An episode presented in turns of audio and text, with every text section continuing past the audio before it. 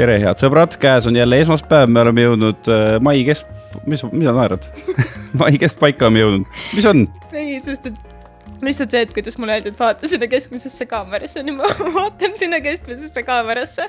tere, vabandust, Taavi, jätka. nii, äh, ja kuhu ma nüüd pooleli jäin, me oleme mai keskpaigas tõesti ja tuletame meelde, et TV3 Play on see, kus meid saab vaadata.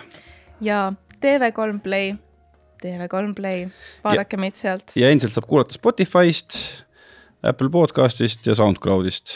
sellepärast, et väga paljudele inimestele meeldib ikkagi kuulata, mulle meeldib ka kuulata rohkem kui vaadata. minule ka, ma ei taha kunagi ennast vaadata, nii et ma ei tee seda.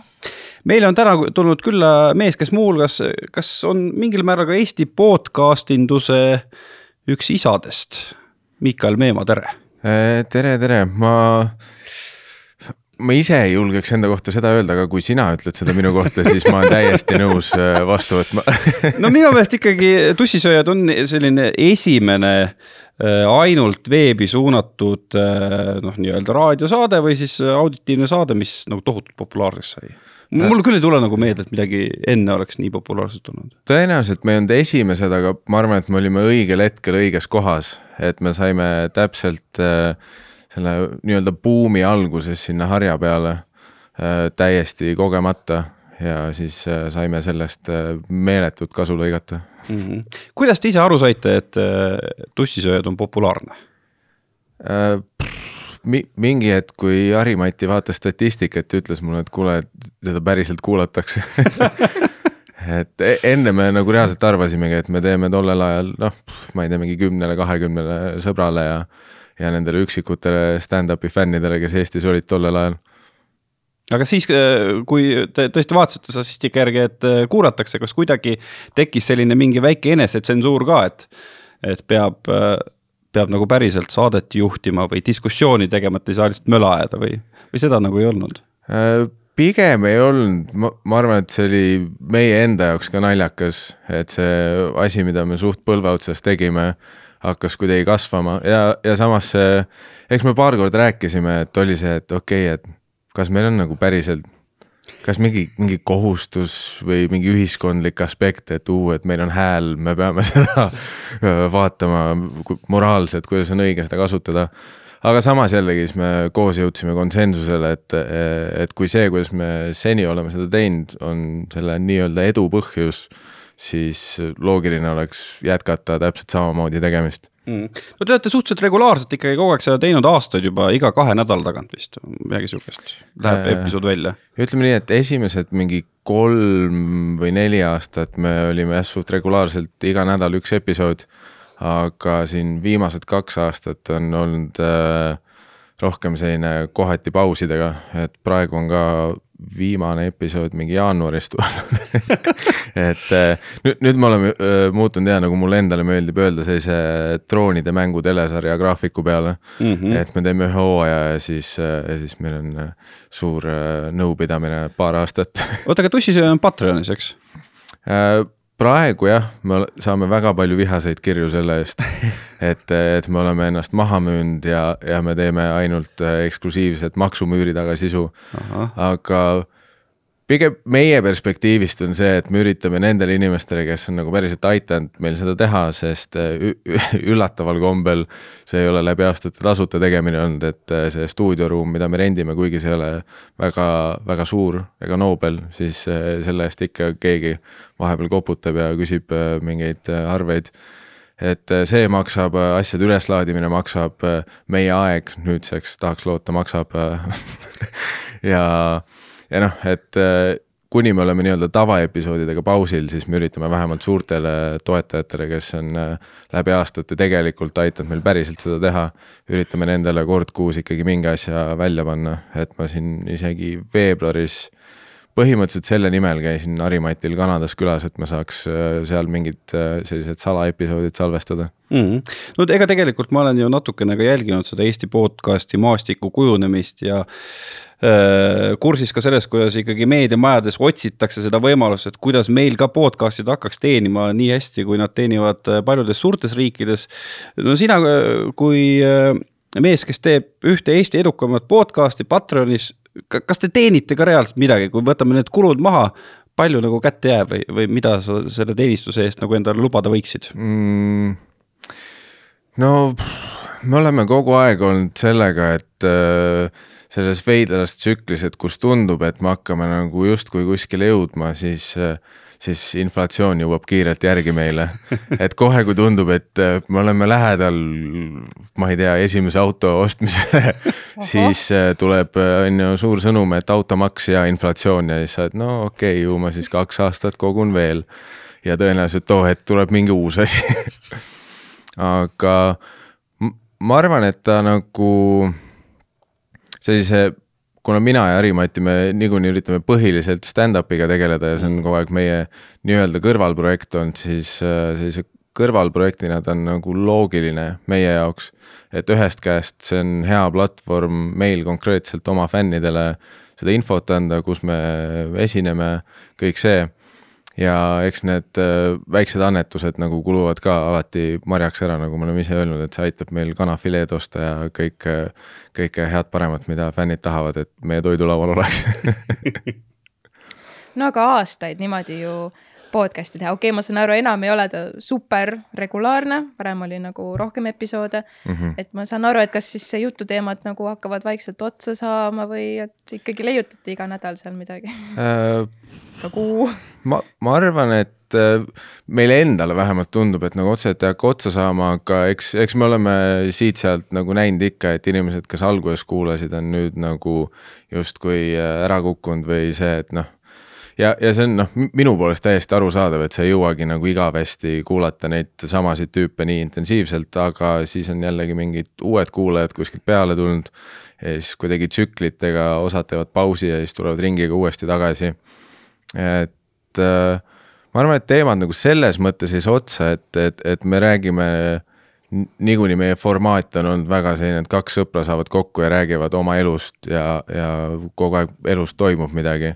et samamoodi nagu noh, tegelikult sul ei saa ju sõpradega teemad otsa või noh no me kõik loodame, et ei saa, et midagi tõmbad ikka kuskilt välja, et kui, kui vaja, siis ilmast ja, jah, no aga nii palju, kui mina aru saan, siis äh, stand-up'i puhul ikka ikkagi kõik on ju väga läbi harjutatud ja läbi kirjutatud ja läbi planeeritud äh, podcast'i puhul, need on pikad episoodid, kuskil kuni kolm tundi võivad olla ja pikemadki, et siis te tõesti istute maha ja või, või teil on mingi kava ka paigas, et räägime täna sellest, mitte nii, niimoodi, et nagu paberi peal, vaid olete enne läbi mõelnud, et täna võtame selle, selle, selle ja.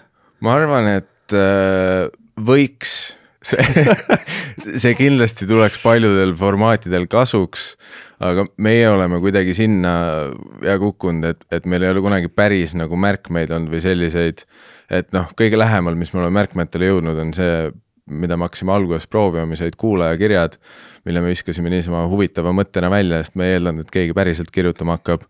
ja siis korraga hakkas neid ülipalju tulema, aga nüüd mingi viimased aasta aeg me oleme ülivähe kirju saanud, sest mingi hetkega me me jäime nii maha, et, et need kirjad, mis me lugesime, olid mingi kaks aastat tagasi saadetud meile.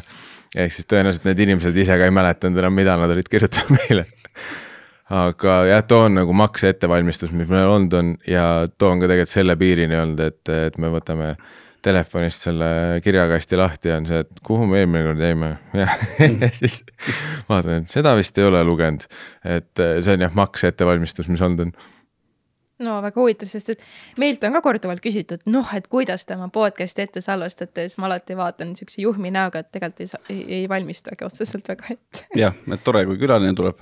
jah, tore, kui külaline tuleb ja siis edasine on niisugune, kuidas nagu jumal juhatab. ma arvan, et intervjuude puhul see võib ka olla vaat selline äh, selline ka, kahe teraga mõõk on ju, et kui sa liiga valmistad ette, siis et äh, et, et eks ma olen ka siin suurel pressituuril praegu olnud -hmm. ja, ja noh, vahet on tunda, kui keegi intervjueerib sind selle formaadiga, kus tal on nagu vaatab juba seda järgmist küsimust ja siis ta laseb sul lihtsalt rääkida. Versus see, kellel on lihtsalt mingi esimene küsimus olemas, siis ta kuulab ja tal on nagu, et aa, nüüd mul tuleb mingi jätkuküsimus sellest ja siis kuidagi on orgaanilisem, huvitavam ja noh, ta päriselt üritab midagi sinust välja tõmmata. Versus see, et tal mingi ahv taob peast trummi ja siis ta nii, siis järgmine nojah, see on selline äh, tüüpviga, mis Eesti ajakirjanduses tehakse, et äh, loetakse kõik intervjuud läbi, aga Olav Osolin selle kohta kunagi ütles, et see ongi niimoodi, et, et kunagi on tehtud mingi intervjuu, ma ei tea, kellegagi viisteist aastat tagasi sinna kuidagi vale mõte läks sisse ja siis järgmine loeb seda, siis küsib sellesama asja kohta, siis järgmine loeb seda mm, -hmm. küsib sama asja kohta, siis kõikides intervjuudes käib mingi sama teema läbi, mis tegelikult selle allika puhul üleüldse ei ole oluline, nii et äh, see nagu intervjuude taastootmine ei ole ka väga mõttekas vist. tuleks mm -hmm. nagu vaba, vaba mõttega nagu minna, nagu meie läheme, eks täpselt, miks kõik ei tegutse nii nagu meie, ma, ma ei saa aru sellest, elu oleks palju lihtsam, kui te lihtsalt ei valmista mitte midagi ette. mis see tähendab, et sa oled meediaturil äh,? See on pigem see termin, mida ma olen ise nagu äh, naljaga proovinud kasutada, noh, pooleldi naljaga, see, et, äh, et, et kuna ma olen see aasta sellises äh, positsioonis veits, et mul ei ole otseselt nagu mänedžeri, korraldajat, agenti, vaid ma oma selle aastast äh, stand-up tuuri niivõrd-kuivõrd korraldan ise, et noh, ilmselgelt mul on raamatupidamise ja selliste asjade jaoks, mida ma elu sees ei, ei hakka üritamagi selle jaoks on nagu inimesed olemas, aga rohkem see tuuri korralduslik pool ja et üritan äh, ise teha ja, ja siis noh, e-, eks ma olen ikkagi poole silma-kõrvaga vaadanud, kuidas välismaal tehakse. ja seal on see pressituuri termin alati, et kui mingi film või asi tuleb välja, siis saadetakse näitlejad pressituurile ja siis, äh, siis see tundus mulle nagu hea mõte, aga samas mulle meeldis nagu see aspekt, et see on väga naljakas, et mina nagu ise seda teen, et ma nagu pommitan kõiki inimesi ise. ja alguses ma panin selle oma sotsiaalmeediasse ka ja millegipärast inimesed arvasid, et, et, et ma teengi lihtsalt nalja, sest ku, kuidagi inimesed seostasid seda, et kuskil keegi tegi nalja selle kohta, et Hommik Anuga saade on suur teleturg, on ju ja siis, äh, siis mingi järgmine päev oli kohe see, et mina ütlesin, et tulen kõigele, räägin kõigest, kas ma olen kokaiini teinud, Märt Avandiga, kes teab, kutsu mind ja siis kõik panid nagu like, aga keegi ei kutsunud ja siis ma pidin olema nagu, et aa ei, nagu tegelikult päriselt mul tuleb tuur mm. -hmm. ja, ja kutsuge no Eesti kultuurimaastiku jaoks, mis seal salata, Hommik Anuga on üks äh, selline väga hea platvorm, kus ennast näidata, sada viiskümmend tuhat inimest vaatab. Äh, väga paljud neist on maksujõulised, võib-olla keskealised ja vanemad äh, prouad, eks. kas Anu Välbo on sulle helistanud ja kutsunud siin intervjuud andma kunagi äh,? ma olen käinud kunagi Hommik Anuga saates oh. siis, kui me tegime ETV kahes poistega sellist sarja nagu Koomikud ja küsimused mm. -hmm ja praegu ma võin öelda mitte väga suure saladuskatte all, et nüüd ma üritasin kuskilt välja skeemitada, kuidas saada üksinda hommikanuga saatesse. ja ma olen nii lähedale jõudnud, et, et ma olen mingitele toimetajatele meili saatnud, pole vastust saanud. siis ma sain Anu emaili, kirjutasin, pole vastust saanud, aga nüüd ma sain ka Anu telefoninumbri, aga suure introverdina ma pean nagu leidma selle õige hetke, kus, kus ma võtan kõik oma julguse kokku. pluss see tundub nii agressiivne helistada, aga jällegi ma olen kuulnud noh, LHV meeste müügitaktikast, et see on kõige parem. Mm.. Telefoni teel ei julge eestlane ei öelda. ja, jah, äh, ma natuke isegi Anu saadet kunagi ammu toimetanud ja ma võin öelda, et Anu kindlasti võtab su toru vastu. Ja kuna tema on ka introvert, siis ta ütleb, et jaa, ma mõtlen selle peale ja siis on võimalik, et ta teist korda ei vasta enam mm. blokib numbri ära. aga ühe korra helista kindlasti okei siis ma pean. sa võid ka sõnumi saatmisega alustada. ma vahel teen ka niimoodi, kui ma ei julge kohe helistada. aga sellele on sõnumi. palju lihtsam mitte vastata mm -hmm.. kusjuures äh, minu kogemus on äh, see, et tänapäeval inimesed just pigem äh, tahavad nagu sõnumi saata, sõnumi saada, et kui sa neile helistad võõra numbri pealt, siis mm -hmm. nad ei võta vastu mm. -hmm jah, tegelikult kui ma mõtlen enda peale, ma ka ei võta sel ajal, kui veel äh, kutsub või siis noh, sa näed, et keegi helistab, siis juba guugeldad samal ajal. või noh, see, see kuu ma olen kõik kõned vastu võtnud ja vahepeal äh, väga pettunud jälle, et see on see vitamiini värk mm.. sest ma eeldan iga kõne puhul, et oh, lõpuks keegi ERR-ist ja siis tere, kas me saame huvitada? Tere, ma tahaks teada, kuidas teie vitamiine tarbite, kui tihti mis vitamiine? no aga tegelikult ju Brit, sina ka äh, said selle mõtte sellest samast äh, nii-öelda naljast üleskutsest, on ju? jaa, mina nägin su tweet'i Twitteris, ma jälgin äh, nii sind kui sinu elukaaslast tegelikult ja ma nägin su, ma nägin su säutsu ja et, et äh, palun kutsuge mind igale poole, räägime ükskõik millest. kuidas siis läinud on, et palju sa neid kutseid oled saanud siis äh,? tegelikult on äh päris lahe olnud selles mõttes, et ma olen võrdlemisi selliseid, ma ei tea, põrandaaluseid, mitte mainstream asju saanud teha, et ma käisin mingis jalgpalli podcast'is, kus ma ütlesin neile ette, et ma ei tea jalgpallist midagi, aga ma kindlalt tulen ja siis nad mõtlesid, no esimest korda võib-olla tõesti, see on uus nurk, mille alt teha jalgpalli podcast'i. ja et ma olen jah väga huvitavates podcast ides käinud ja, ja nagu formaadi mõttes mulle nagu podcast'id meeldivad, sest, sest saab nagu päriselt rääkida, on ju, et versus kui sa oled hommikuraadios, kuigi seal on ka noh, osad on paremad, osad on sellised, et kus sind pannakse noh, kutsutakse sinna saatesse ja sa näed, et mingi taimer jookseb, et noh, Justin Bieber läheb minuti pärast peale ja siis keegi küsib su käest küsimuse, mis on ülisügav ja sa näed, et sul on kakskümmend sekundit ja sa oled jõudnud mingi esimese lause öelda ja siis ta on juba ja nii, see oli siis vastus ja nüüd lähmegi järgmise laulu juurde ja sa oled nagu aa, ma vist ei jätnud kõige paremat muljet mm. Taavi, sa saad veel Vikerisse kutsuda põhimõtteliselt. miks mitte jah, meil on ka seal pikemalt aega, kümme-viisteist minutit rääkida ikkagi. see on ikka väga pikk võrreldes kommertsraadiotega, kus vist tõesti üheksakümmend sekundit on see ühe spiigi pikkus. no vot tahad minna Vikerraadiosse, Miikael no nagu ma olen öelnud, ma tahan kõikjale ehm, okei okay,, üks asi on see meediatuur, aga korraldajana sa siis põhimõtteliselt otsid neid esinemispaiku ka või? lepid kokku kultuurimajade, mis need on siis, kultuurikorraldajatega? Õnneks, kuna me oleme piisavalt kaua teinud ja, ja mingis mõttes alati enda käed ka küljes olnud siis äh, nüüd me oleme positsioonis, kus iga aasta saab peaaegu järgida eelmise aasta mingit malli nii-öelda. ehk siis noh, muidugi vaadates, et okei okay,, et kus võib-olla ei töötanud, selle jätad ära, kus tundus, et võiks juurde panna, kus vähemaks võtta. et äh, kõik need kontaktid on õnneks olemas olnud ja nüüd on lihtsalt see vaev, et äh, on vaja natuke vormistada olnud seda mm. Aga jah, nagu otseselt midagi uut ja rasket tolle koha pealt ei olegi, et pigem kogu see mingi äh, turundus ja selline aspekt on äh, äh, natuke uus maailm, kus tuleb õppida. mis on kõige noh, sellisem eksootilisem äh, koht sinu seekordse tuuri esinemiskohtade hulgas?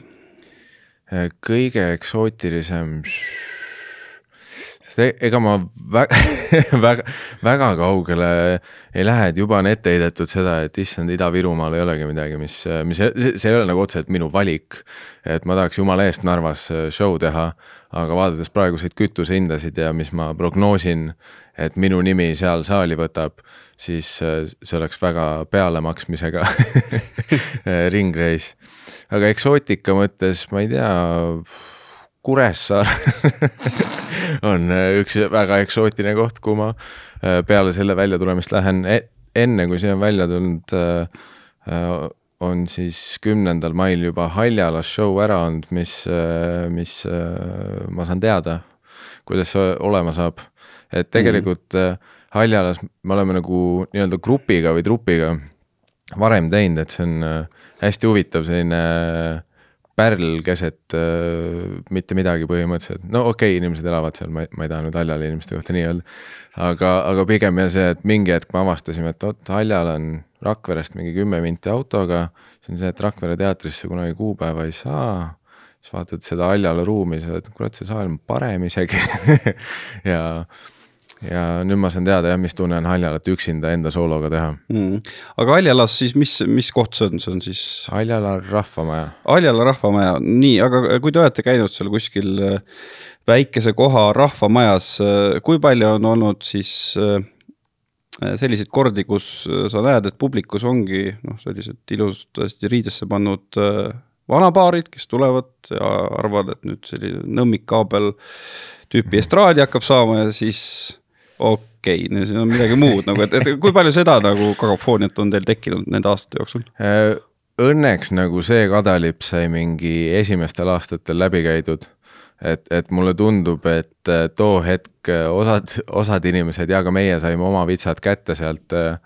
aga jah, ma mäletan, et kui meil oli selline just nagu grupiga mingi noh, esimene nii-öelda sügistuur, mis tollel ajal kandis nime äkki Comedy Estonia esimene eesti keeles või midagi sellist ja siis me läksime esimest korda Võrru ja pärast tuli alles välja või noh, kui show hakkas, siis tuli välja, et esimesed mingi viis rida oli selline pensionäride, kes oli vist õpetajate grupp, kes olid kõik väga soliidselt riides ja nad olid nagu grupipileti ostnud ja ülivarakult, seega kõik esimesed kuus rida olid nemad.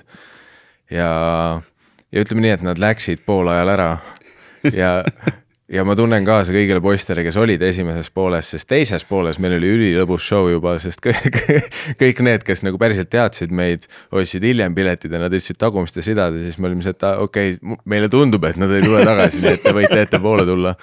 ja, ja seega, seega teine pool läks palju, palju lustakamalt juba.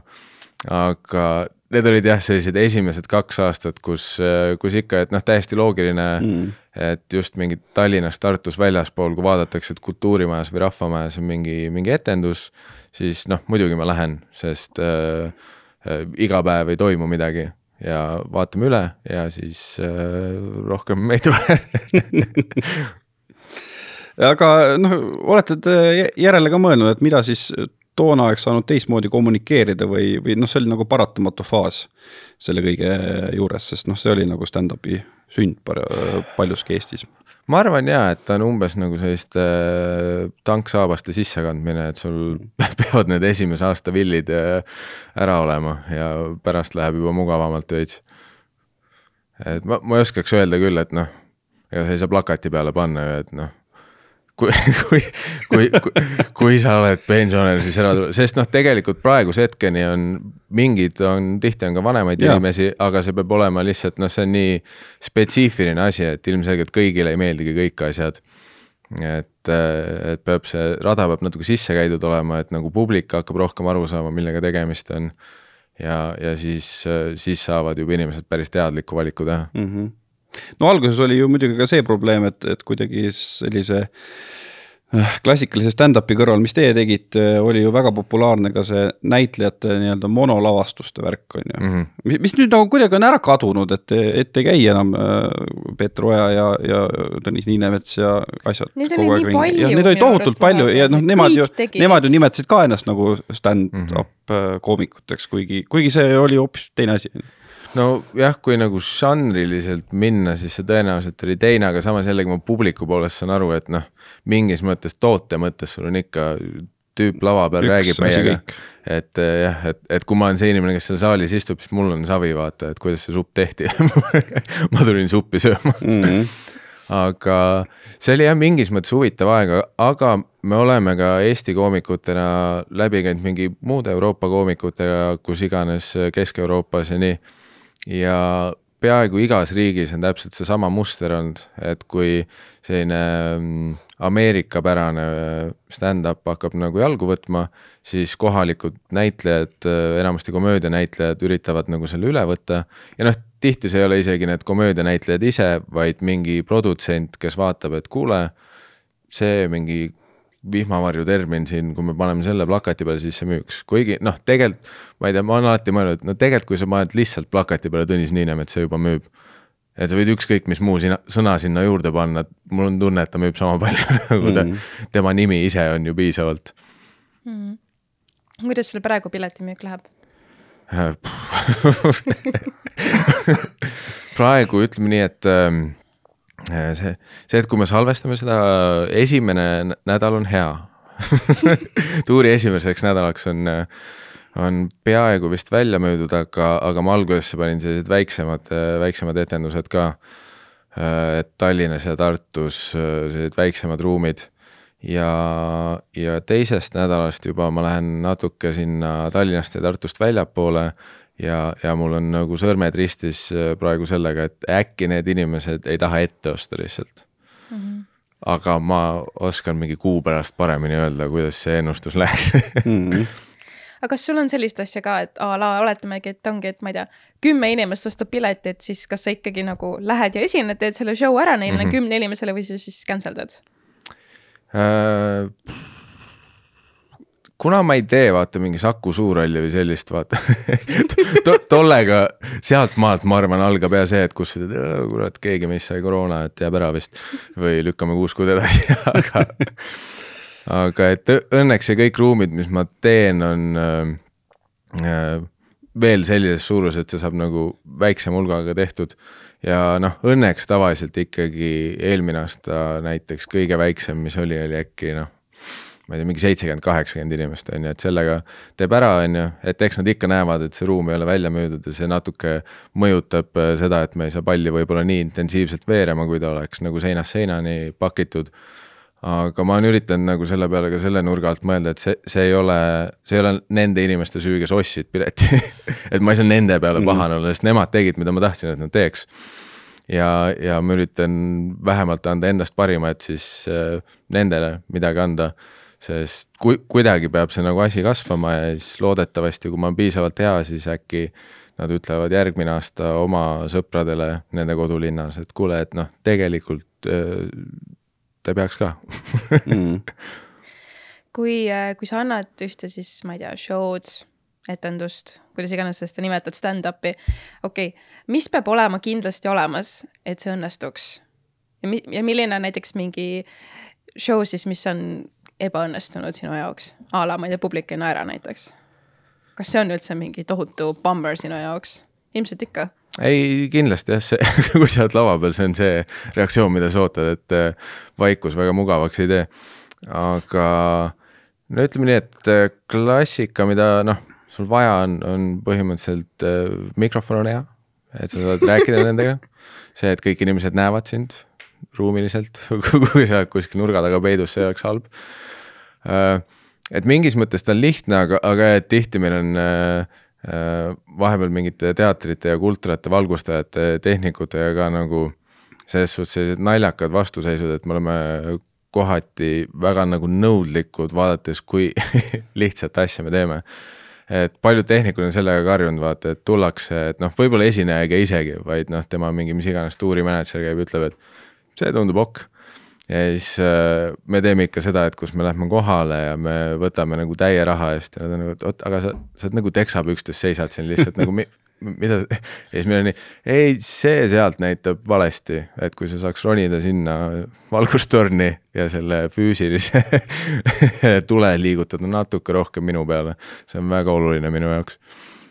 aga aga tihti noh, meile endale vähemalt tundub, et tihti tegelikult see nagu ettevalmistus, et me üritame nagu päriselt heliproovi nii teha, et vaadata, et et kõik, mis iganes levelid on õiged, on ju, et ta ei kaja veidralt, et kõik oleks meie kõrva ja silma järgi ideaalne. et see on ähm, ka nagu vajalik eeltöö, pluss noh, sa tahad alati endale ka seda koduväljaku eelist et sa ei taha, et lava peal on mingi veider valgus, kus enamus näitab kuskile taha kardinasse ja sul on mingi veidrad varjud näos. et see on, see tundub vähemalt nagu miinimum, mis sa võiks teha. aga pigem on raskusi, ma arvan, kõikidel koomikutel, kui on olnud siis mingite eraürituste ja firmaüritustega, kus mm., kus sa päriselt ei saa nagu enda nõudmisi nii palju läbi sõita, vaid seal on rohkem see, et meil on sünnipäev, nii et siin on see koht ja alati alguses lubatakse mingi, aa ei, lava on, valgus on ja siis lähed sinna lihtsalt diskokuul on, sa näed välja nagu sa oled õudusfilmis keset mingit pallipõrandat. kõik tahavad rääkida, söövad nurgas ja siis nad on nii, tee et mm., et jah, pigem, pigem kõik, ma arvan, kõige hullemad mälestused on alati, kui on mingid firmaüritused, sünnipäevad, mis on põhjus, miks ma üritan neid võimalikult vähe teha. oota, tule, aga tuleb tihti neid äh, pakkumisi sulle või? Äh, järjest vähem inimesed on äh, hakanud aru saama mu vastuste järgi. see, see on ka minu jaoks alati naljakas, et noh, vahepeal tuleb ikka see, et keegi ütleb, et sa võiksid meie pulma esinema tulla. ja, ja ma tean, et see on nagu rahaliselt hea, aga ma saan lihtsalt nii suure paanikahoo juba ette mõeldes sellele. ja ma üritan alati nendele inimestele seletada, et ma ütlen ei nagu sinu jaoks ma teen no, teene teile. et asi ei ole teis, asi on minus et ma lihtsalt tean ette, et see ei ole hea asi sinu pulmas. inimesed tahavad viina võtta, salatit süüa, tantsida, vaadata teid suudlemas, nad ei taha istuda maha ja vait olla, et mina saaks kolmkümmend minutit rääkida seal mm. -hmm. aga sa siis nii nahhaal nagu ei ole, et noh, põhimõtteliselt äh, ei vastuseni saab ju jõuda lihtsalt äh, õiget numbrit välja pakkudes, ehk siis no sellega ongi see halb asi, et me oleme ka seda üritanud läbi aegade, aga siis. maksavad on, raisk või? siis on veel nõmedam jah, kus sa paned mingi absurdse hinna ja siis tuleb välja, et äh, see oligi a la mingi suur firma, kelle noh, jõulupeo raames see on mitte midagi neile ja siis sa oled nagu issand jumal, et noh, nüüd ma nagu pean, sest tegelikult kui ma mõtlen oma elujärge ja nagu arveid, mis tulemas on, see oleks ülihea summa. ja siis mõtled, okei okay,, aga noh, kui kaua mul endal halb pärast olla on. ja noh, eriti kui peaks halvasti minema, siis noh, minu peas on alati see, et nüüd oli mingi mitusada inimest, kelle ainuke mälestus on sellega, et sellel mingi firmapeol, kus äh, esiteks heli oli veider, valgus ei olnud minu peal, kõik olid mälus et kuna mul seal kontekstis läks halvasti, siis nad on nagu see, et Miikal Meemaa, ükskord ma mäletan küll jah, maru halb oli. ja siis ürita seletada, et ei no tegelikult, kui sa tuleksid teatris vaatama ja kui sa kaine oleks või noh, mingi ühe õlle peal, siis oleks äh, palju nagu sujuvam meil et purjus publik ei olegi siis eelistatud? Äh, no liiga purjus kindlasti jah, ma arvan, et äh, mõõdukalt selline üks-paar jooki on tavaliselt statistiliselt kipub okei okay olema, aga noh, mingist piirist. Äh, ja no lihtsalt jah, ma ei tea, see, see, on minu enda selline uskumus lihtsalt, et, et tegelikult mingitel firmapidudel su töötajad ei taha näha mind. Nad tahavad omavahel räusata, tantsida, sinu kulul jooki panna. Nad ei taha lihtsalt nagu koolilapsed maha istuda ja nüüd kuulata, mida keegi otsustas nende ette tuua aga muidugi teised koomikud teevad firmapidusid, nii et äh, kui keegi tahab oma firma peole, siis info et huumoriklubi.ee mm -hmm. ja ma pakun teile kõiki peale minu. Aga kuidas sul endal on, lähed täiesti kainelt lavale või? Äh, nüüd küll. Et äh, eks nagu see, see, see on nagu läbi aja on nagu alkohol natuke ikka nagu sisse segatud olnud, et e-, enamus mingid open mic'id, asjad, mida me oleme aegade alguses teinud, et need on ikkagi baarides toimunud ja siis baarid on meile tasuta jooki andnud selle eest, et me teeme seal. ja, ja siis oli nagu loogiline, et see käis käsikäes, aga mingist hetkest oli see, et mida tihedamaks graafik läks, seda rohkem see andis nagu tunda, nojah, pluss kui sa saad kolmkümmend pluss ka ja korraga sa oled, on ju, peaaegu kuus päeva, kuuel õhtul nädalas oled väljas ja saad aru, et aa, noh, tegelikult vist iga päev ei saa ikka. et see hakkab, hakkab mõjutama pigem just enda tervist, et noh, mingist hetkest jaa, et sa kuidagi harjud, võid isegi harjuda lava peal olemisega ära, see võib isegi olla su karakter, on ju, et, et ma tingimata ei arva, et kui mingi koomik otsustab lava peal mingi õlle juua või mida iganes, et noh, see võib ikka naljakas olla, et ta võib ikka nagu selles formaadis töötada. aga mul on pigem jah, nagu endal kuidagi nüüd kaine peaga lihtsalt lihtsam olla, nagu järgmine päev ärgata on hea ja kuidagi tunned lava peal, et äh, aga ma olen päriselt nagu hetkes et, et muidu oli nagu mingi maagiline jõud võttis üle. Ja võib-olla tundus endale parem kui teistele. Aga kui sa säutsust inspiratsiooni võtta, siis äh, kokaiini siis olete teinud enne laval, lava taga. Mitte laval. Laval ka võiks muidugi teha, aga äh, ma ütlen ausalt, et tegelikult koomikute praeguse järje juures, noh, nagu paljud ütlesid ka Märt Avandi case'i puhul need numbrid, mis välja toodi, oli see, et nagu issand jumal, nagu nii hästi läheb või, või nagu milline tema projektidest nii palju raha toob. et meie piletite nagu hindade juures ja müügi juures nagu, nagu okeiin ei ole väga optsioon, kui, kui just mingit riskantset kiirlaenu ei taha veel juurde võtta ja, ja tegelikult on ju, no nimesid nimetamata, aga ma olen ka näinud äh, inimesi, kes on nagu proovinud seda, et noh, mingi a la enne show'd või kuskil show ajal. ja ma ütlen, et üks noh, kõige nagu kurvemaid asju on, kui kellelgi hakkab nagu nende droogide pealt see come down nii-öelda lava peal toimuma et see ei ole hea, nagu see, et, et jah, et jah, sa, sa oled nagu enne backer'is hullult ämpt, aga noh, kui sul on mingi pikem aeg lava peal veeta, siis äh, tihti inimesed saavad ikkagi nagu aru ja ja ma ei tea, minu enda jaoks ei ole nagu kunagi see tundunud. et, et ma, ma ei tea, kas asi on selles, et ma mingi spektrumil või mida, mida iganes, aga, aga mul on nagu alati vaja tunda, et mul on kontroll olukorra üle. et kõik eh, substantsid lõpuks minu jaoks on ikkagi, mu tunne on see, et mul ei ole ju tegelikult kontrolli selle olukorra üle ja mul on alati elus kõige üle vaja, et noh, ma olen see tüüp, kes kontrollib ukselinki kolm korda, ma vaatan õhtul ilmateadet, sest kui vihm hakkab sadama, ma lähen endast välja, kui ma ei olnud valmis selle jaoks. ja mul peab väga kindel plaan olema.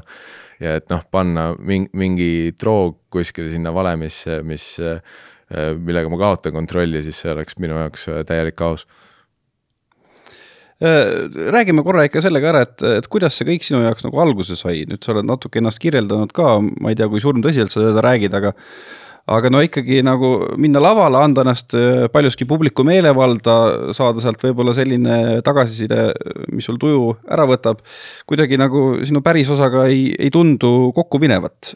miks see kuidagi kunagi algas sinu jaoks, eriti just sellel ajastul, kus stand-up nagu Eestis ei olnud veel midagi? Äh, põhimõtteliselt jah, mul nagu algne eesmärk ei olnudki nagu nagu stand-up'ini otseselt jõuda, see juhtus suht kogemata et, et ma tahtsin äh, keskkoolist välja tulles, äh, plaan oli näitlejaks saada, mis on, äh, mis on alati väga, väga hea plaan, kui sa ei ole tegelikult mingit eeltööd teinud selleks. ja, ja üllataval kombel siis, kui mul kaheteistkümnes see plaan tekkis ja ma lihtsalt õppisin paar luuletust pähe ja läksin lavakakatsetele ja sain paanikahoo, siis üllatavalt ma ei saanud katsetest edasi. aga aga siis ma olin enda peas, et okei okay,, okei okay,, aga nüüd, kui ma järgmiste katseteni kuidagi valmistun, siis ma käisin äh, Tartus üliõpilasteatris ja kuidagi läbi selle kaudu me nägime, et Comedy Estonia tollel ajal oli just alustamas, korraldas mingeid äh, open mic'e ja siis mõtlesin, et see oleks tegelikult hea viis oma lavanärvist üle saada. ja, ja kuidas ma üldse sattusingi stand-up'i open mic idele, oligi see, et ma mõtlesin, aa, et noh, et kui ma tahan nagu päriselt näitlejaks õppima minna ja lavakast nagu läbi saada, siis mul on kuidagi vaja see närviosa kontrolli alla saada ja see inimeste ees esinemine seal keldrites, et see võiks ju aidata. aga siis, äh, siis ma hakkasingi käima nendel vabamikri õhtutel, ei saanud lavakasse teist korda ka sisse ja, ja kuidagi läbi selle protsessi mul hakkasid need open mic'id lihtsalt nii palju meeldima ja stand-up, et ma jäin hoopis seda tegema mm.. aga sul seda hirmu ei olnud kunagi, et äkki ma lähen ja ma päriselt ei ole naljakas? ja et saalis ongi vaikus? ma, ma ei tea, mingi muu sügav sisemine tung ikkagi sõitis üle sellest.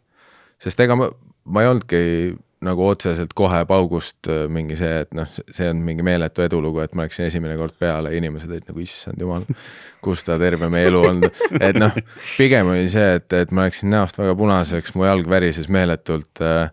aga, aga noh esimene kord ma sain võib-olla mingist, mingist äh, inimesed olid nii empaatilised, et nad paar korda itsitasid. Ja siis sellele järgnevalt mingi aasta aega ma, ma sõin ikka nagu normaalselt sitta nagu, et noh, ma kogu aeg käisin ja need olid pigem väga halvad sellised kuueminutilised setid. aga mingil põhjusel jah, mingi asi sundis mind nagu ennast sealt läbi suruma ja, ja ma ei suutnud alla anda mm. -hmm. kui kaua sa sellega nagu aktiivselt siis tegelenud oled?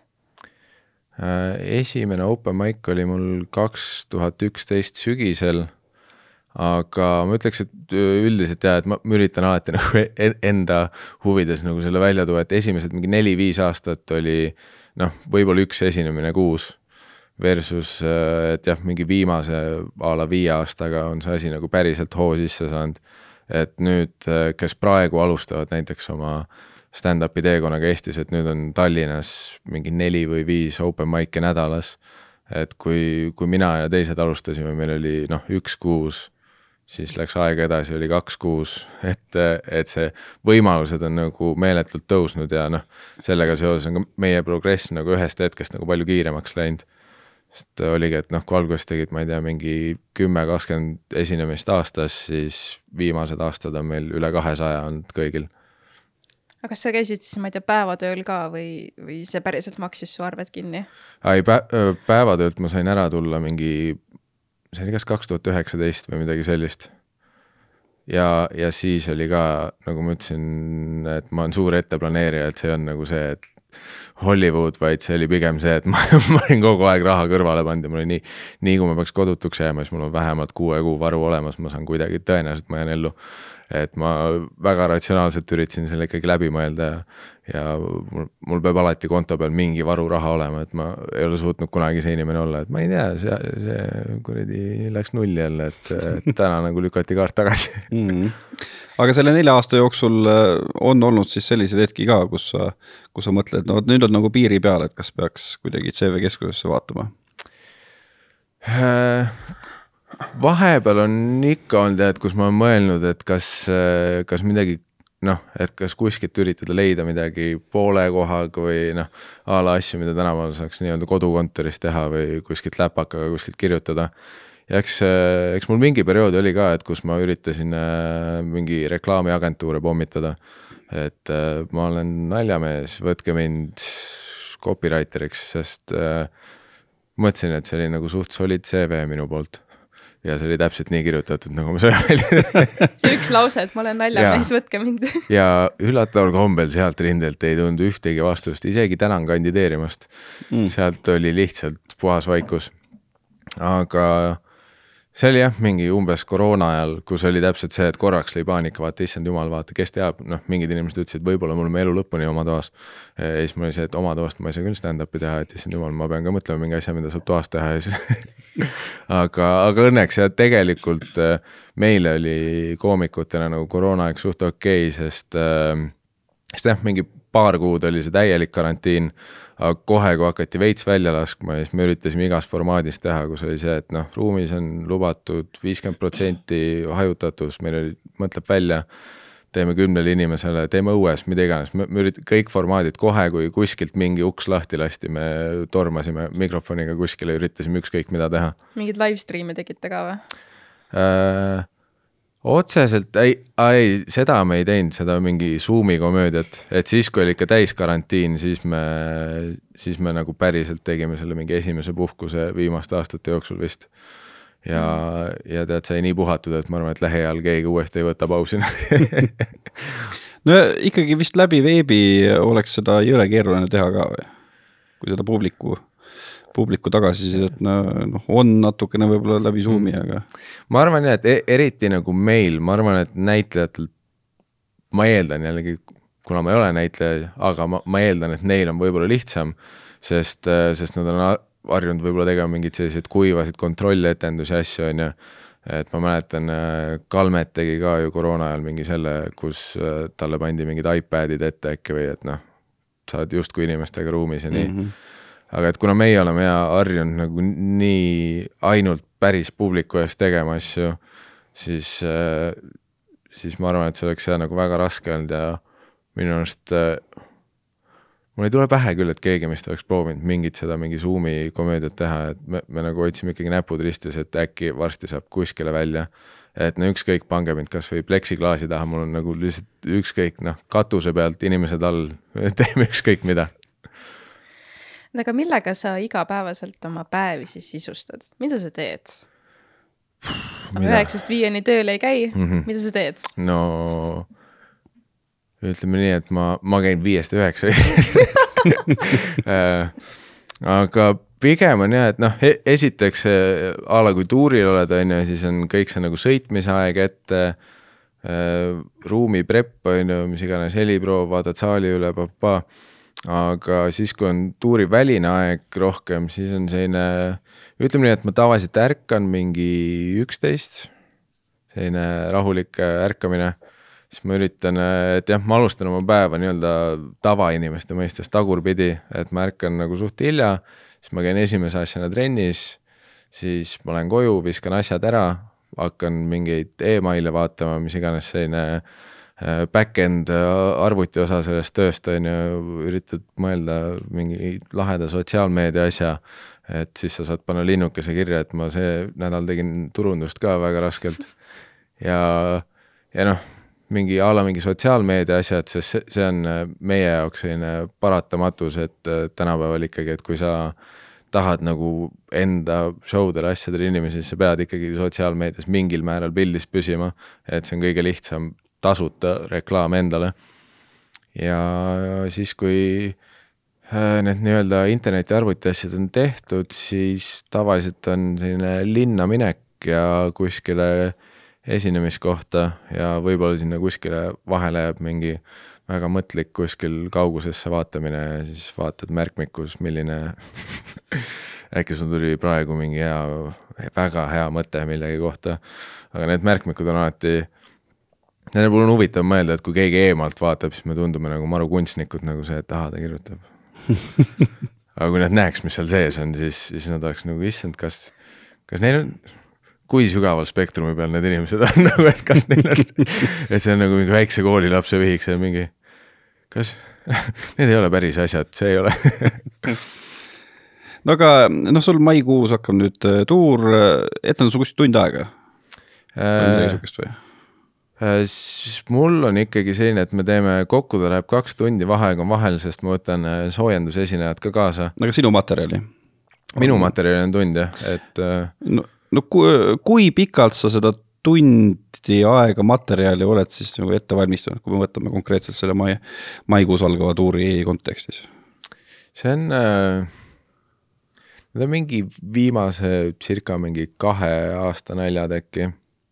et et äh, no see nagu stand-up'i puhul see nagu tunnipiir on nagu kogu aeg nihkumas see, et kuidas selles nii-öelda metas öeldakse, et kui kaua tegelikult koomikul kirjutamiseks läheb. ja Eestis paratamatult meie protsess on natuke kiirendatud selle poolest, et äh, noh, meil on, ütleme ümardatud miljon inimest.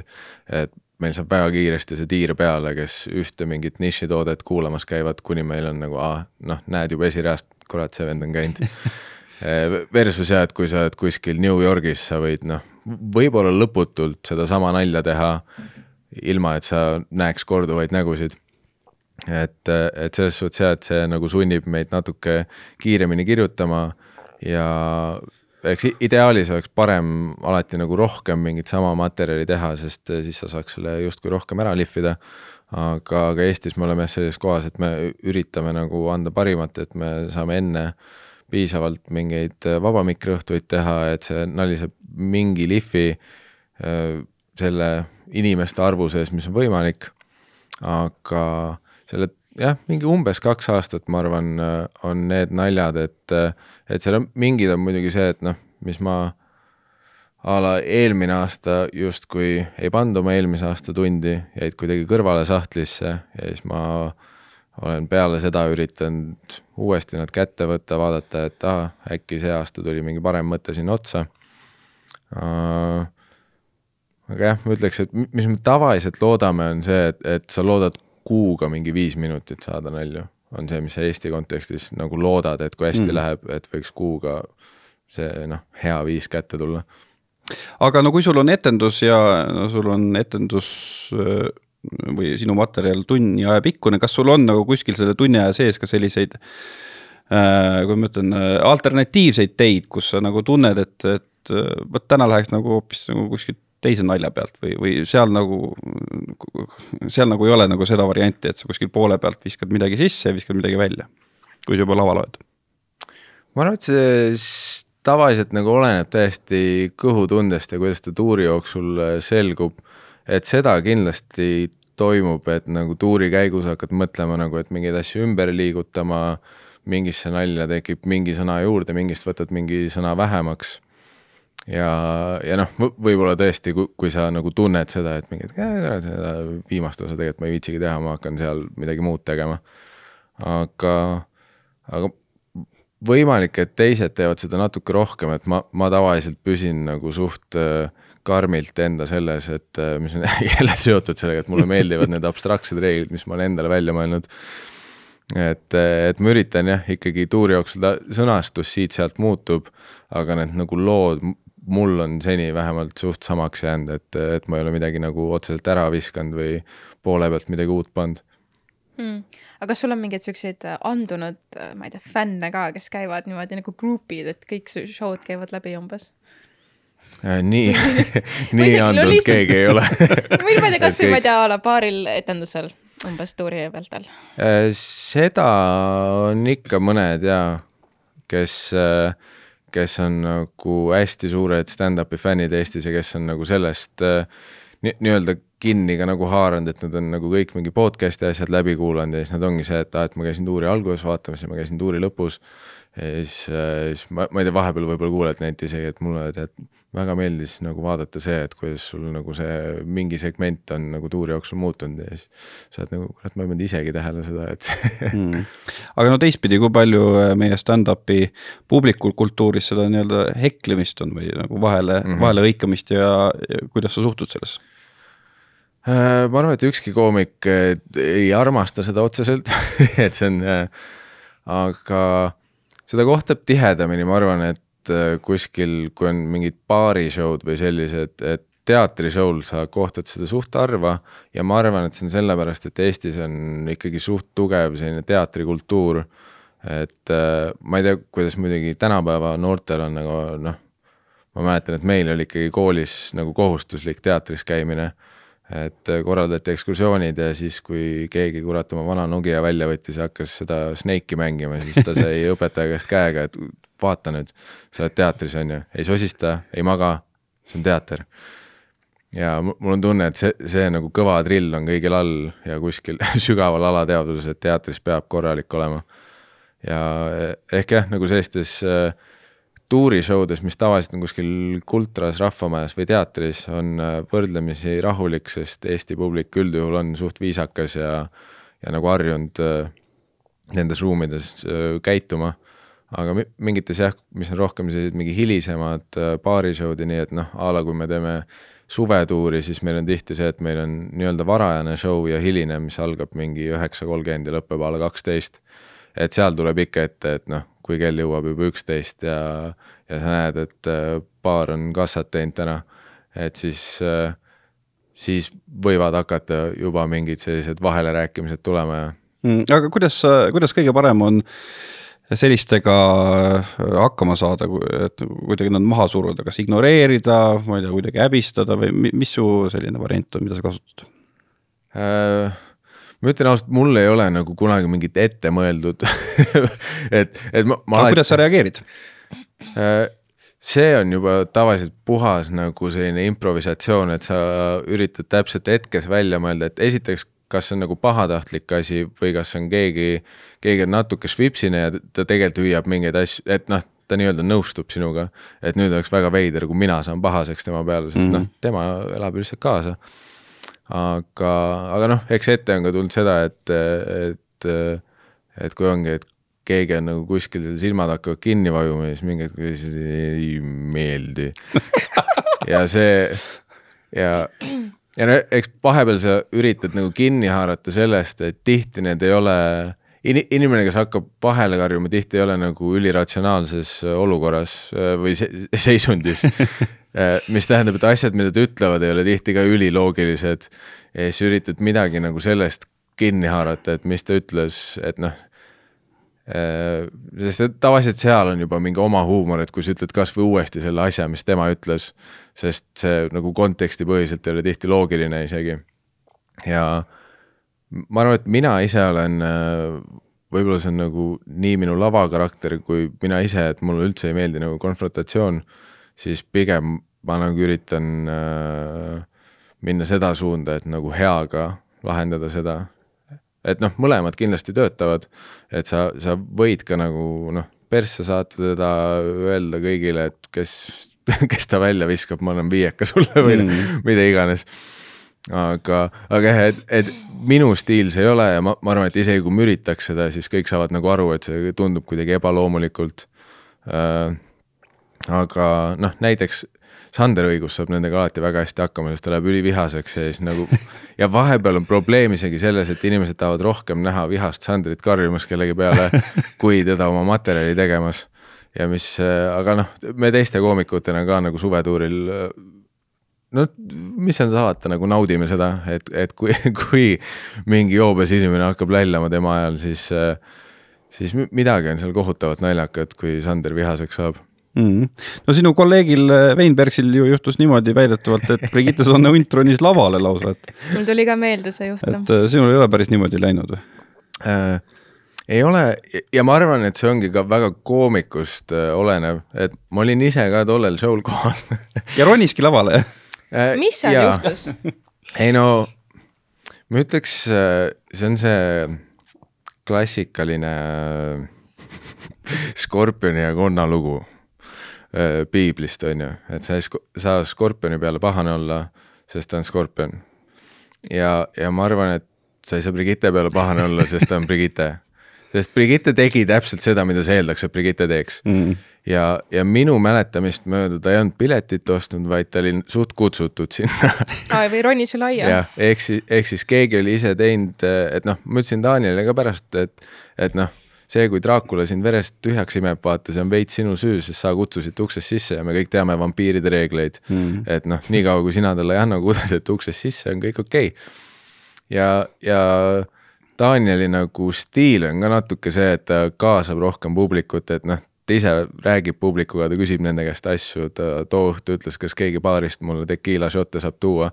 et üldine nagu energia oli väga selline kutsuv ja, ja nagu noh, õrnad Brigittet teades ka, siis siis ma saan täiesti aru, kust ka temal tekkis see reaktsioon, et aa, et Daniel vajab mu abi. sest nii, nii, nii palju, kui ma suudan nagu Brigitte Susanne Unt mõelda, siis ma saan täiesti aru, et tema tegi seda kui empaatiline inimene, tundes, et Daniel vajab tema abi, et keegi päästaks selle show. ja, ja see oli, ma olen ka Danielile öelnud, see oli veits sinu enda viga, kõik need asjad, mis ma eelnevalt sulle ütlesin ja sa jätsid lava peal tegelikult väga suure mulje, et sa tahad, et ta tuleb sinna ja, aga ta vist ei ootanud jah, et Brigitte päriselt seda teeb ja siis äh, tegelikult ja see nagu lahenes suht rahulikult, et Brigitte korraks tuli, Daniel jooksis eest ja siis Brigitte läks tagasi. et see, et see ei olnud üldse nii dramaatiline, nad ei hakanud maadlema ega midagi et ma, ma lootsin ka tegelikult enamat ruumis olles. aga, aga jah, ta oli, ta oli nagu naljakas olukord et seda ei ole palju juhtunud. aga, aga tihti millegipärast ja naisterahvad, kes lavale tulema hakkavad, mis on tegelikult head, ega ma ei tahakski, et nagu mingi, ja et mingi suur mees hakkab lava poole kõndima, selles suhtes ma, ma ei tea, mida ma siis teeks, mul, mul ei ole nagu seda koolitust. on sul mingeid siukseid, ähm, ma ei tea, naisvenne ka, kes on kuidagi, ma ei tea, üritanud sulle vihjata ala, et oo, et äkki läheks õhtul koju või midagi sellist? kes mm. ei tea, et sul on elukaaslane? ma arvan, et suur probleem on see, et väga paljud teavad, et mul on elukaaslane et kui, kui sa, kui keegi on minu fänni tasandil, siis ta nagu kindlalt nagu teab neid asju. ja, ja noh, see, see on see ka, et noh, ma ise olen alati mõelnud selle peale, et USA koomikul Kail Kineinil oli selle kohta mingi nali või ma ei mäleta, kas ta ütles mingis intervjuus seda, et jaa, et kui küsitakse, et stand-up koomikust, ah, et kui sa oled mingi tuuril ja teed show sid, siis kindlasti pärast on backeris nagu haige, vaata, et igast grupid ja naised ja ja, ja siis ta alati ütleb, et no tegelikult minu publik näeb suht välja nagu mina, et need on tavaliselt keskealised kiilakad habemetes mehed ja nad ei jää tegelikult väga kauaks nagu tagaukse ette ootama nagu see. Ja noh e, Eestis ma ütleks ainuke nagu erand on Harimati, aga ta on niikuinii ületanud nagu selle koomiku piiri, et ta on nagu noh, kõrvalosaga nagu sekssümbol ka niikuinii. et, et ta on nagu seda rauda ka niikuinii tagunud, et ta on kroonika seksikaim mees ja see, et äh, muidu traditsioonilised koomikud, ma ütleks jaa, et see, see ei ole päris nagu see, et noh, rokkstaaridel, äh, et pärast on nagu väga palju oodatakse ja et äh, meeleid sõnumeid. Et Harimati on pigem erand. kas annaksid Harimatile aasta seksikaima mehe tiitli? no ma olin seal hääletusel kaasas, kui see suur röövimine toimus ja ma ütlen, ma olin väga tema poolt. ja ma, ma tegelikult eeldasin, et ta nagu võidab ka, sest ma, ma olen nagu Eesti meediaga nagu suht äh, mitte nii väga kursis. et ma nagu teadsin, et ma tean, et Franz Malmsten on Mait Malmsteni poeg, ma teadsin seda aga ma ei teadnud nagu kui ta, mis ta veel teeb? jaa, et kui kuulus ta on või et ma mõtlesin, et äkki ta on veel lavakas või ma ei tea, äkki ta on kuusteist, ma, ma isegi ei tea, kui vana ta on see, see oli minu argument, ma ütlesin Harile, et auhinna nimi on mees. Franz ei saa see aasta võita veel, see oleks, see oleks ebaloogiline ja, ja siis me, see oli jah suur pettumus meile mõlemale, kui, kui lõpuks tuli see kiri ette. Sest, sest jah, seda ei olnud ette öeldud, kes võidab, nad ütlesid, et äkki, äkki sina lähed peale. No kui me natuke veel vaatame, mis näiteks Ameerikas toimub, siis ikkagi äh, noh, me oleme jõudnud äh, aega, kus äh, stand-up'i taustaga meelelahutajad teenivad üldse võib-olla selles meelelahutusvaldkonnas kõige suuremat raha, on kõige suuremad äh,, ma ei tea, filmitähed äh,, seriaalitähed, mis sa arvad, millal Eestis see aeg kätte jõuab? natuke vist Harri juba künnab seda vagu ette nagu või? mitte rahalises mõttes, aga, aga seda, et see nagu välja murda sellest äh, ainult nagu sellest stand-up'i asjast, aga, aga mis sa arvad, kas see äh. läbimurre on tulemas? ma arvan, et äh, kindlasti seal on nagu potentsiaali, et, äh, et, et jah, ma ei tea, mis, mis Eestis võib-olla seda tagasi hoiab, et noh, no klassikaline on see, et kõik, kõikidele meeldib kõiki Eesti valdkondi süüdistada onupoja poliitikas ja vaata, et alati on mingi kitsas ring. aga ma arvan, et noh, a la mingi filmidega on ka see, et Eestis tehakse neid nii vähe, sest filmid on tohutult kallid ja Eesti ei ole ülirikas selles osas, on ju. ja et ilmselgelt, kui sul on mingi väga kallis projekt käsil, siis sa ei hakka riske võtma, sa ei ole mingi, et kuule, see üks tüüp, kes muidu nagu laval suht naljakas, kunagi ei ole näitlenud, kunagi, me, me ei tea, kuidas ta üldse võib välja näha näideldes, aga äkki riskime temaga, et äh, aga noh, lahe oleks muidugi ju, et kui mingi hetk see sinna jõuab, et mina oleks äh, kindlasti selle poolt ja, ja üldse, eks see äh, ma tahaks loota, et meil on nii nagu algusfaasis see kõik veel, et, et see lumepall pole nagu õigelt veeremagi hakanud ja, ja ma arvan, et see on nagu ainult aja küsimus, kui, kui siin rohkem pakkumisi hakkab tulema ja Anu Välba mu kõne vastu võtab mm. on sul mingi unistuste roll või mingi karakter, keda sa tahaksid kehastada äh,? karakter, keda ma tahaks kehastada uh. äh,? no, no mul on muidugi see, et ma saan minna oma sellise teismelise põlve unistustesse tagasi, et äh, et siis, kui ma näitlejaks tahtsin saada, siis äh, mu suur-suur lemmiknäidend oli Tom Stoppardi Rosencrantz and Guildenstern are dead, mis on siis selline metakomöödia Hamleti ümber. aga, aga kuna ta on nagu ülihästi kirjutatud ja hästi terav ja hästi koomiline, siis ma alati mõtlesin, et see oleks nagu mingi lahe roll, mida teha aga praeguses hetkes äh, kõik rollid oleks tõenäoliselt üliäge, mida teha et äh, ma suvel sai korraks proovida, kus, kus mul oli üks rida, kus ma pidin äh, Ivo Uukivi Bolti juht olema. Ja see oli juba äge, kuigi täielik paanika. ma ei mõelnud selle peale, et ma pean päriselt autoroolis olema ma ei ole Tallinnas kunagi autoga sõitnud, ma, ma millegipärast enda peas, kui mulle öeldi, et Bolti juht, siis mul oli mingi, aa jaa, et ma tulen mingi Hollywoodi võtteplatsile ja siis meil on see roheline ekraan taga ja siis ma teen nii aga ma ei mõelnud, et see on Eesti film, ehk kui ma kohale jõudsin ja siis nad olid nagu, sul load on või, siis ma no kurat, seda ta oleks võinud varem küsida võib-olla. siis ma olin, et okei okay,, load on, tegelikult ma ei ole mingi viis aastat sõitnud Tallinnas mitte kunagi no miks nii?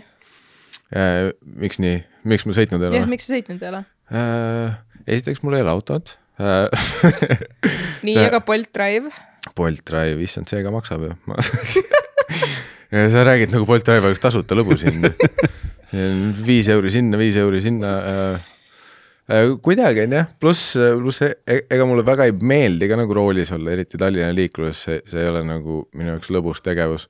et seal, kus võime, kuna ma ise elan Nõmmel, siis ma saan nautida Elroni mõnusid ja tavaliselt äh, lihtsalt kuskilt äh, Baltast sinna panna ja e-, enamus noh, Tallinna tegemised mul jäävad niikuinii mingi Telliskivi vanalinn, kuhu oleks niikuinii autoga tõenäoliselt suht ebamugav käia kogu aeg Nõmmelt.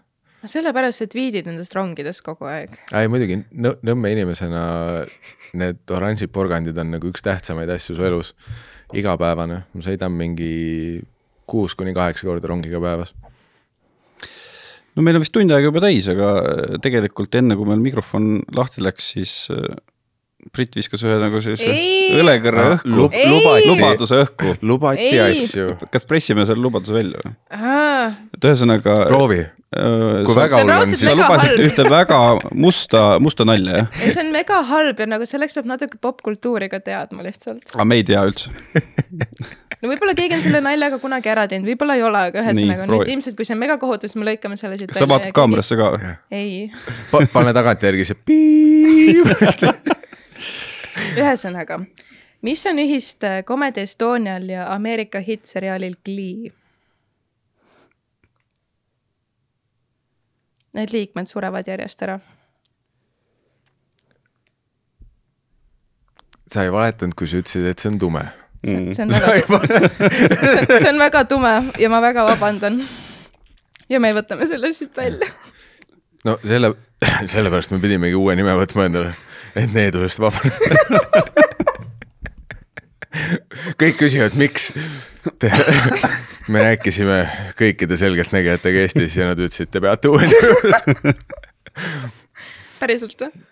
ei, tegelikult tegelikult mitte sellepärast mm.. no ise sa nüüd äh, tõid selle mängu, miks siis äh, tükk, tekkis, mis see huumoriklubi on jah mm? -hmm. Läksite tülli siis? no ma olen teistes intervjuudes ka öelnud, et ma tahaks, et siin oleks äge Elvise lugu, vaata, noh, mitte Braueri, vaid äh, Presley. Braueri, Braueri tüül on ka väga toredad, politsei käib kohal aga jah, vaat see, et kus Elvis Presley'l oli siis see kurikuulus mänedžer, kes kuradi süstis ta mingeid asju täis ja piitsutas, ei lasknud Euroopasse tulla ja kõik see lugu. aga tege-, tegelikult jah, lihtsalt äh,, lihtsalt kuidagi praegu tundus see õige aeg, et, et, et kuna Comedy Estonia on alati olnud mingi asi, mille all me oleme, et see ei ole nagu meile kuulunud, siis tundus sama loogiline minu jaoks nagu kui muusikud mingi hetk on ju, annavad oma esimesed albumid, mis iganes Universal Music alt välja, aga kui nad tunnevad, et nad on karjääris mingi koha saavutanud, siis nad üritavad enda plaadifirmat või seda teha, label'it on ju. ja siis see, see tundus nagu praegusel hetkel loogiline, et lõpuks midagi mis kuulub meile ja see annab ka mingis mõttes vabaduse, et noh, nüüd me vajadusel, kui, kui me tahame, me saame igast segaseid asju teha, sest, sest me ei määri kellegi teise brändi, on ju mitte, et see seni meid oluliselt tagasi oleks hoidnud et ma oleks kuskil väga tsenseerinud ennast selle nimel. aga, ja, ja tahaks loota, et see nagu annab Eesti stand-up'ile ka nagu võimaluse, et ei, ei teki mingeid klaaslagesid, mis iganes asju et ma eeldan, et äh, noh, kogu aeg tuleb tegelikult koomikuid peale ja, ja see on väga tervitatav, me ise ka tahame, et Eesti komöödiamaastik oleks kirjum, et oleks uusi tegelasi, et oleks uusi koomikuid, kõike seda, aga noh, lõputult me ei saa kõik nagu mingi ühe selle brändi või mis iganes äh, nime all olla. ja, ja otseselt jah, tegelikult ei olnudki tüli, et äh, ilmselgelt enne, enne kui me selle avalikuks tegime, me, me rääkisime äh, Comedy Estonia inimestega ka läbi, et äh, kellega me oleme aastaid koos töötanud ja, ja mõlemale osapoolele tundus see nagu selline loogiline samm ja sellepärast me enda nii-öelda pressiteates üritasime ka kasutada seda metafoori, et see, et see ei ole mingi suur lahkuminek, vaid see on noh, umbes nagu kui, kui siis lapsed saavad täisealiseks ja kolivad kodust välja, et noh, ma eeldan, enamus ei vaata seda. väga paljud lähevad vanematega tülli ka jah, muidugi aga noh, ideaalis, ideaalis äh, tahaks loota, et see ei ole suur tüli, vaid see on pigem see, et äh, noh, loomulik äh, elukulg ja jätk. pluss noh, suust suures mahus me käime ikkagi Comedy Estoniaga läbi, et Comedy Estonia korraldab open mic'e, meie käime open mic idel, Comedy Estonia tegeleb mingi eraüritustele koomikute müümisega, kus mind otseselt ei ole, aga te, teisi koomikuid saab sealt et, et, et koostöö käib ikka ja, ja lihtsalt praegu tundus jah hu, huvitav aeg midagi enda jaoks teha ja ehitama hakata. no selge, kui kuulajad, teile meeldis see, mis te siin täna kuulsite, siis. see tume nali, siis mul on üks veel. Brit hakkab oma kuupäevi nüüd ette lugema. Kui teile meeldis Miikael, siis äh, tema tuurile, ma loodan, et täna nüüd veel saab äkki pileteid või nüüd see siis juba käib? äkki ikka saab. jah, no ta on selleks hetkeks, see tuleb viisteist välja või?